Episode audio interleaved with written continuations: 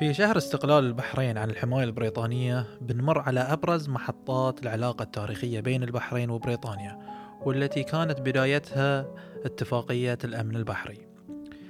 قد يتساءل الكثير منا عن شلون كانت العلاقة بين البحرين وبريطانيا وهل كانت تحصل لقاءات وزيارات متبادلة أم أن العلاقة كانت دائما متوترة لأن كانوا يعتبرونها استعمار.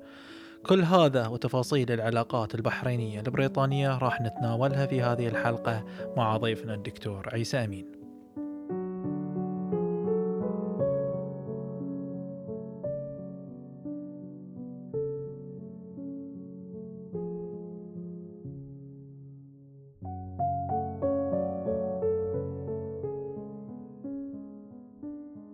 بنسلط الضوء على زيارتين لصاحب العظمة الشيخ حمد بن عيسى بن علي آل خليفة إلى بريطانيا. والوفود الدبلوماسية اللي زارت بريطانيا خلال هذه الفترة أو خلال زيارات الأولى في عهد الدبلوماسية. أهلا وسهلا فيك دكتور. أهلا وسهلا. آه، عند اتفاقية 1820 كانت بدايات العلاقة الرسمية اللي ارتبطت فيها البحرين بالحكومة البريطانية ممثلة برجال الدولة في الهند. وكانت هذه طبعا آه، سنة توقيع اتفاقية الأمن البحري التي وقعها شيوخ الصالح الساحل المتصالح أو ما يسمى اليوم بالإمارات العربية المتحدة. وكذلك البحرين كجزء من منظومة بحرية في ذاك الوقت. وعلى هذا الأساس آه، عينت السلطات البريطانية في الهند وكيل آه، محلي يتمتع بالحماية البريطانية من عائلة آل صفر كممثل لها في البحرين. آه، يدون تدوين يومي عن الأحداث في البحرين ويراقب تنفيذ بنود الاتفاقية الموقعة بين بريطانيا والبحرين اللي قام بتوقيعها الجنرال جراند كير والشيخ عبد الله بن أحمد والشيخ سلمان بن أحمد في قلعة الرفاع. طبعا العلاقات هذه استمرت وكان في زيارات من المقيمين السياسيين في منطقة بوشهر إلى البحرين عدة مرات وإلى أن تأسست دار الاعتماد سنة 1902 1903 أصبحت رسمية وعين أول معتمد بريطاني. في 1919 بعد انتصار بريطانيا في الحرب العالمية الأولى حصل دعوة حصلت دعوة لحكام الخليج لحضور الاحتفال بهذه المناسبة. وقام المغفور للشيخ عيسى بن علي بابتعاث ابنه الشيخ عبد الله بن عيسى سنة 1919 إلى لندن وكذلك آه، الأمير فيصل نيابة عن والده آه، الملك عبد العزيز بن عبد الرحمن آل سعود والشيخ أحمد الجابر من الكويت كلهم توجهوا سنة 1919 إلى لندن. كانت زيارة آه، الشيخ عبد الله صراحة مناسبة طيبة. أنه يبارك للحكومة البريطانية نيابة عن والده وعن أهل البحرين بانتصار بريطانيا في الحرب. في نفس الوقت يقدم طلبات آه، من والده إلى الحكومة البريطانية آه، منها اعتراف به كحاكم مستقل ومعاملته أسوأ بشيوخ الخليج كلهم أو السماح له بمخاطبة الحكومة البريطانية بصورة مباشرة بدل ما يخاطب دار الاعتماد والاعتماد خاطب المقيمية والمقيمية تخاطب حكومة الهند البريطانية. طبعا هاي الطلبات كلها كانت مرفوضة وهذه موضوع آخر. بعد ما رجع الشيخ عبد الله بن عيسى من لندن حصلت أحداث طبعا في البحرين اللي هي أحداث مايو 1923 ومنها تعيين آه، ولي العهد الشيخ حمد صاحب العظمة الشيخ حمد بن عيسى بن علي نائب للحاكم في مايو سنة 1923 بنصيحة من آه، الوجود البريطاني في الخليج وذاك الوقت كان الميجور ديلي تلقى الشيخ حمد آه، دعوة لزيارة لندن غير رسمية. وبالفعل في بداية يونيو 1925 توجه هو وزوجته والشيخ عبد الله بن عيسى وزوجته يرافقهم مجموعة من المرافقين والمساعدين إلى بريطانيا. معاهم الميجور ديلي اللي هو المعتمد السياسي في البحرين ذاك الوقت وزوجته. عن هذه السفرة نشرت جزيرة نشرت آه، التايمز البغدادية مقابلة مع الشيخ حمد أجراها مراسل الصحيفة وجاء فيها إن المعتمد السياسي في البحرين وزوجته رافق الشيخ حمد في تلك الزيارة وكانت رحلتهم إلى لندن عن طريق البصرة ومنها بطريق البر إلى بغداد ثم دمشق ومنها إلى لبنان حيث أمضى الشيخ ثلاثة أيام. اتجه بعدها إلى الإسكندرية وكانت دهشته كبيرة من مبانيها ومن الإسكندرية إلى مارسيل في فرنسا حيث أمضى هناك 12 ساعة اتجه بعدها إلى باريس بواسطة القطار وعبر الأراضي الزراعية الجميلة والمباني الرائعة. ولم يبقى الشيخ في باريس بل وصل رحلته إلى كاليه ثم انتقل بسفينة تجارية إلى لندن. في العاصمة البريطانية أقام الشيخ في فندق كان قد تم الحجز له والترتيب فيه من البحرين وعن لندن يقول الشيخ حمد إنها مدينة رائعة لم يشاهد مثلها أثناء سفره وقد أمضى الشيخ هناك خمسين يوم زار فيها الشخصيات الهامة والأماكن المتميزة. كما زار معرض ويمبلي وكل الدوائر فيه وأعجب الشيخ بكل ما شاهده هناك خاصة المبنى المماثل لتاج محل في الركن الهندي. وكان من الصعب أن يميز الناظر إذا ما كان ذلك المبنى هو الأصل أم أنه نسخة منه. كما زار المباني بالحكومة الخاصة بالحكومة الأسترالية والأفريقية والكندية والهندية. ويقول الشيخ إنه يعجز عن وصف ما شاهده في معرض ويمبلي وقد أعطاه ذلك الموقع فكرة عن المقدرة البريطانية وعظمة الإنجليز الذين فاقوا كل القوى الأخرى في العالم. كما زار الشيخ حمد ملك بريطانيا جورج الخامس وقال عنه إنه إنسان نبيل بكل ما تعنيه الكلمة وهو رجل عظيم ومتواضع ومتواضع. وقابل الشيخ بغاية الاحترام وسأله إذا كان يرغب في زيارة بريطانيا مرة أخرى وقد رد الشيخ بالإيجاب. وفعلا حصلت الزيارة الثانية بعدين. كما سأله إذا كان يرغب بزيارته لنا في مدننا فأخبرته بأن ذلك سوف يكون شرف لنا. وأبدى الشيخ حمد. أسفه لأنه لم يقابل أمير ويلز ولي العهد والذي كان آنذاك في زيارة لإفريقيا. ويكمل الشيخ حمد حديثه قائلا أنه بارك للملك في يوم ميلاده كما زار قصر باكنغهام الرائع وسعد بمقابلة رئيس الوزراء. ثم قال الشيخ ثم قام الشيخ رافقه المعتمد في البحرين أي الميجور ديلي بزيارة عرض للطائرات شاركت فيه 150 طائرة. وكانت المناورة تقتضي إلقاء القنابل على سيارات مصفحة ترد بالنار على الطائرات. وأثناء العرض شاهد الشيخ رجالا يقذفون بأنفسهم من الطائرات وينزلون إلى الأرض بالباراشوت وكان ذلك المنظر إحدى المعجزات الكبرى. كما زار الشيخ حمد المتاحف وشاهد الأحجار الكريمة والتيجان المرصعة باللآلئ والجواهر وقال عن تلك اللآلئ أنه لم يشاهد منها في البحرين بلد اللؤلؤ. من لندن توجه الشيخ إلى غلاسكو حيث زار المصانع كما زار أصدقائه السيد والسيدة كليفتون وتناول معهم وجبة أعدت بمناسبة زيارته ومن غلاسكو إلى أدنبرا ومنها إلى الجزر الصغيرة في غرب اسكتلندا. ويذكر الشيخ أن جميع الوجبات كانت أوروبية وممتعة. وعاد الشيخ حمد إلى البحرين في 31 يوليو 1925 على ظهر السفينة برودة.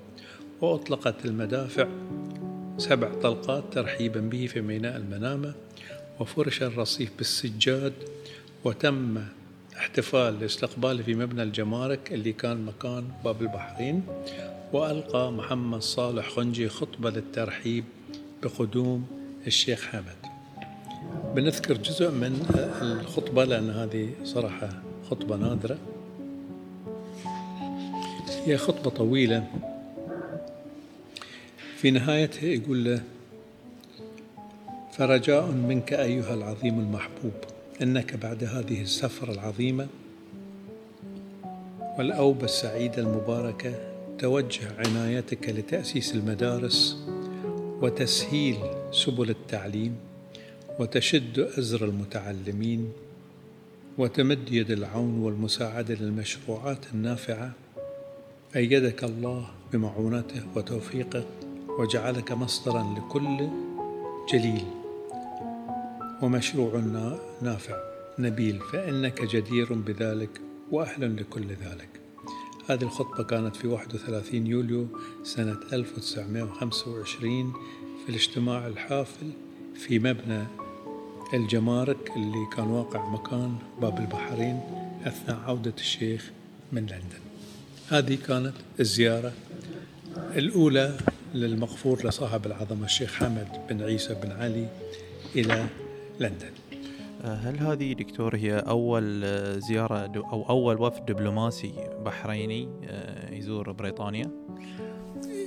هذه صراحة كانت زيارة خاصة آه، ماخذ معاه أهله وأخوه الشيخ عبد الله وأهله وبعض المساعدين والمرافقين إنما إذا كنا نتكلم عن الدبلوماسية فزيارة الشيخ عبد الله بن عيسى سنة 1919 تعتبر هي أول زيارة دبلوماسية لأنه كان يحمل رسالة رسمية من والده إلى الحكومة البريطانية. يعني راح هناك كممثل عن والده في الاحتفال إلى جانب تقديم طلبات حكومة البحرين إلى الحكومة البريطانية.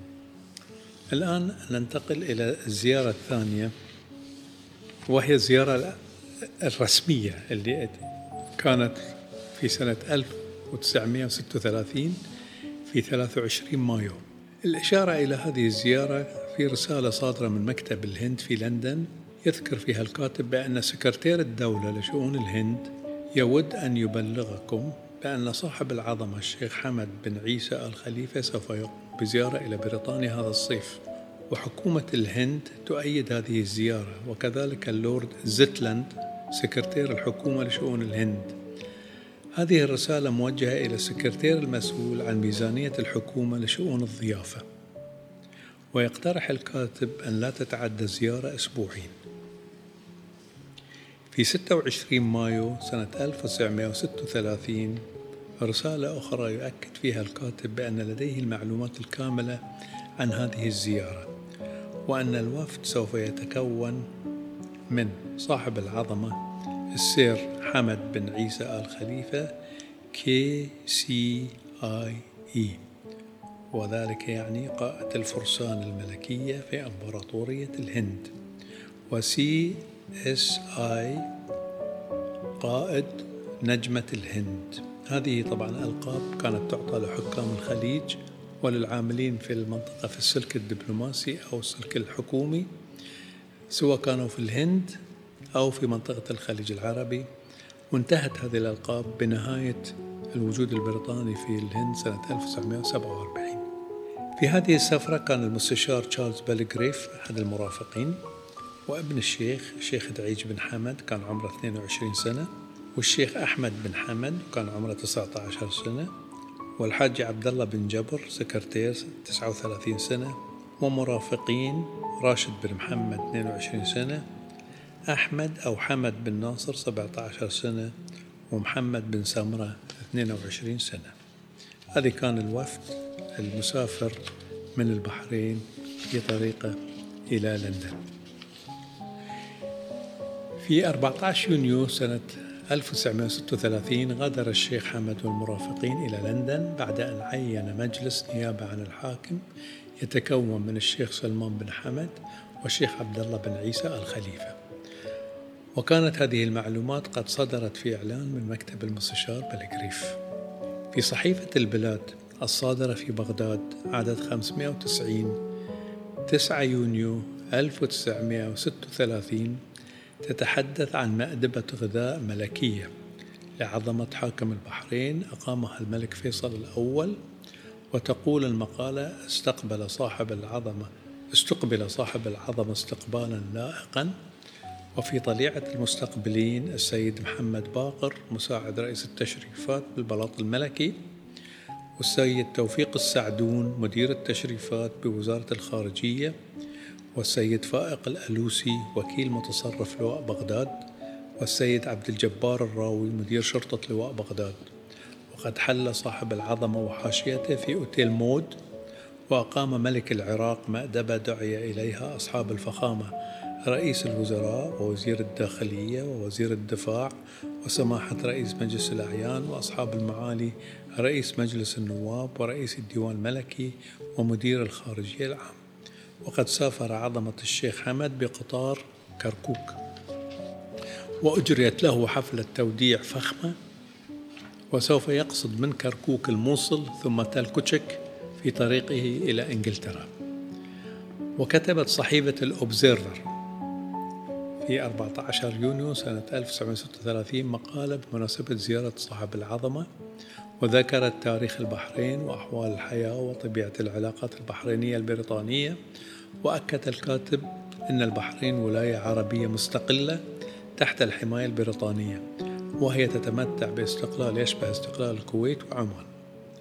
في 16 يونيو ذكرت الصحيفة ذاتها برنامج الزيارة والذي يشتمل على زيارة الأسطول في بورتسموث والكلية الملكية العسكرية في ساندهيرست واستعراض جوي في هندون وكذلك عرض عسكري آخر. وسوف يقوم بزيارة السفينة كوين ميري.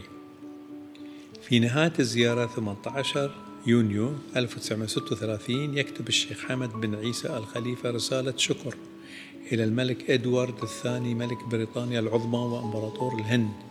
يقول فيها بعد تقديم تحياتي إلى جلالتكم وأعبر لكم عن مدى سعادتي بهذه الزيارة التي قمنا بها إلى بلدكم واحترامي الكامل لكم بعد لقائكم شخصيا. وكذلك ما أبداه شعبكم من مودة ومحبة واحترام وأنني منزعج مما سمعت.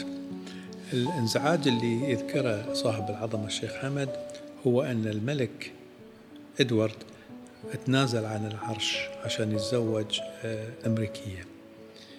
وهذا كان خلاف القوانين عندهم. آه، ما يقدر يتزوج آه، مطلقة إلا إذا كان متنازل عن العرش وهذا اللي حصل. وأطلب من الله أن يحفظكم ويبارك شخصكم النبيل أرجو من الله أن يمن علينا بطول عمركم وكل أفراد عائلتكم الملكية. هذه كانت رسالة الشيخ حمد. لما كان بيغادر لندن.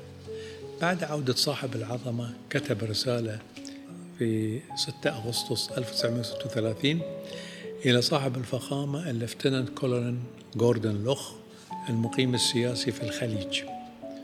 جوردن لوخ كان طبعا من 33 إلى 36 يقول فيها يسرني أن أعبر عما خامرني من الابتهاج برجوعي إلى بلادي العزيزة والاجتماع بحضراتكم بعد هذه الرحلة الموفقة إن شاء الله.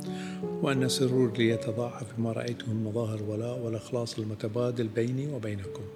وإني أنتهز هذه الفرصة لأتحدث لكم باغتباط عظيم مقرون بالشكر الجزيل والامتنان الفائق العظيم لحضرة صاحب الجلالة الملك المعظم أدوارد الثامن ملك بريطانيا العظمى وامبراطور الهند على العطف والحفاوة البالغة التي قوبلت بها من لدن جلالته ورجال حكومته وشعبه النبيل وأخص بالشكر صاحب الفقامة اللورد زيتلاند وزير الهند الذي أقدر حفاوته وتكريمه وأتمنى من صميم الفؤاد أن تكون هذه الزيارة ذات أثر محمود بما تؤدي إليه من تقوية روابط الصداقة والثقة بين بلادي والأمة البريطانية المجيدة.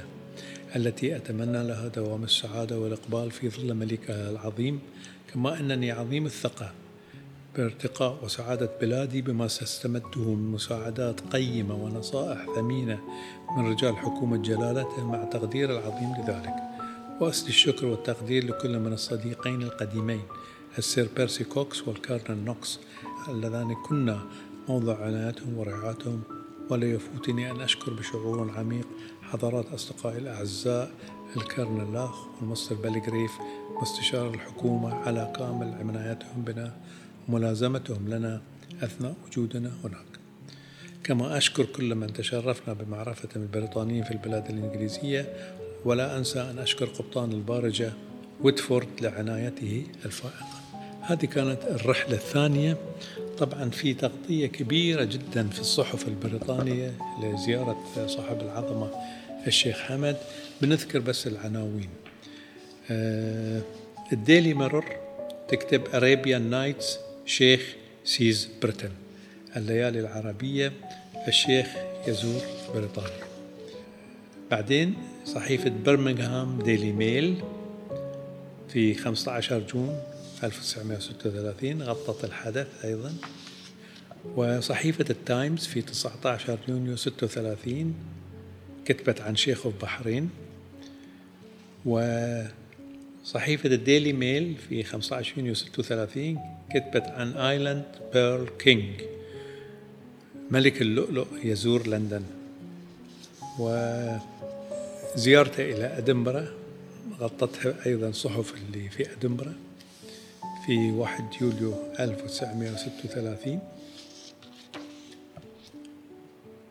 وليفربول ويكلي كتبت عن زيارته إلى ليفربول.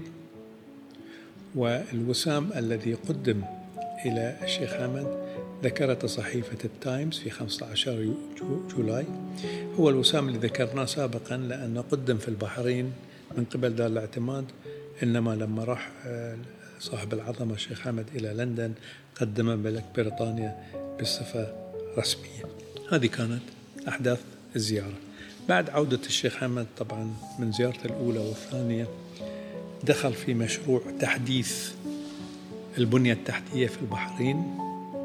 ومثل ما ذكرنا قبل في رسالته إلى ديلي سنة 25 يقول له أرجو أن تقوم بدراسة موضوع إسالة المياه في المحرق والمنامة كما تحدثنا في ذلك في لندن. آه، تطوير الشوارع والخدمات الحكومية ودور الحكومة والمؤسسات الرسمية كلها أخذت حيز كبير بعد عودته الأولى والثانية. شكرا.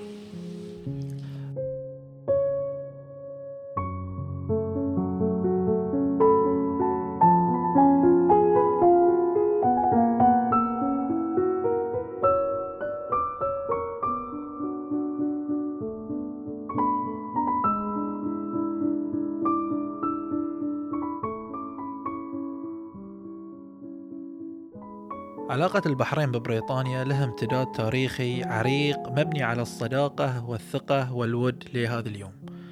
ولا تزال بريطانيا داعم كبير وقوي للبحرين في مختلف المجالات. ونلاقي حفاوة الاستقبال الملكي البريطاني يتكلل بأبهى صوره في المناسبات ولعل أشهرها احتفال الملكة إليزابيث الثانية بعيد ميلادها وحضور جلالة الملك. هذا الاحتفال. إلى هنا نقف. نستذكر الماضي لنخطط المستقبل. ولأن اللي مال أول مال تالي. ترقبونا دائما بحلة أجمل. ومني أنا محمد لوري وفريق باء تربيع كل التحايا. مع السلامة.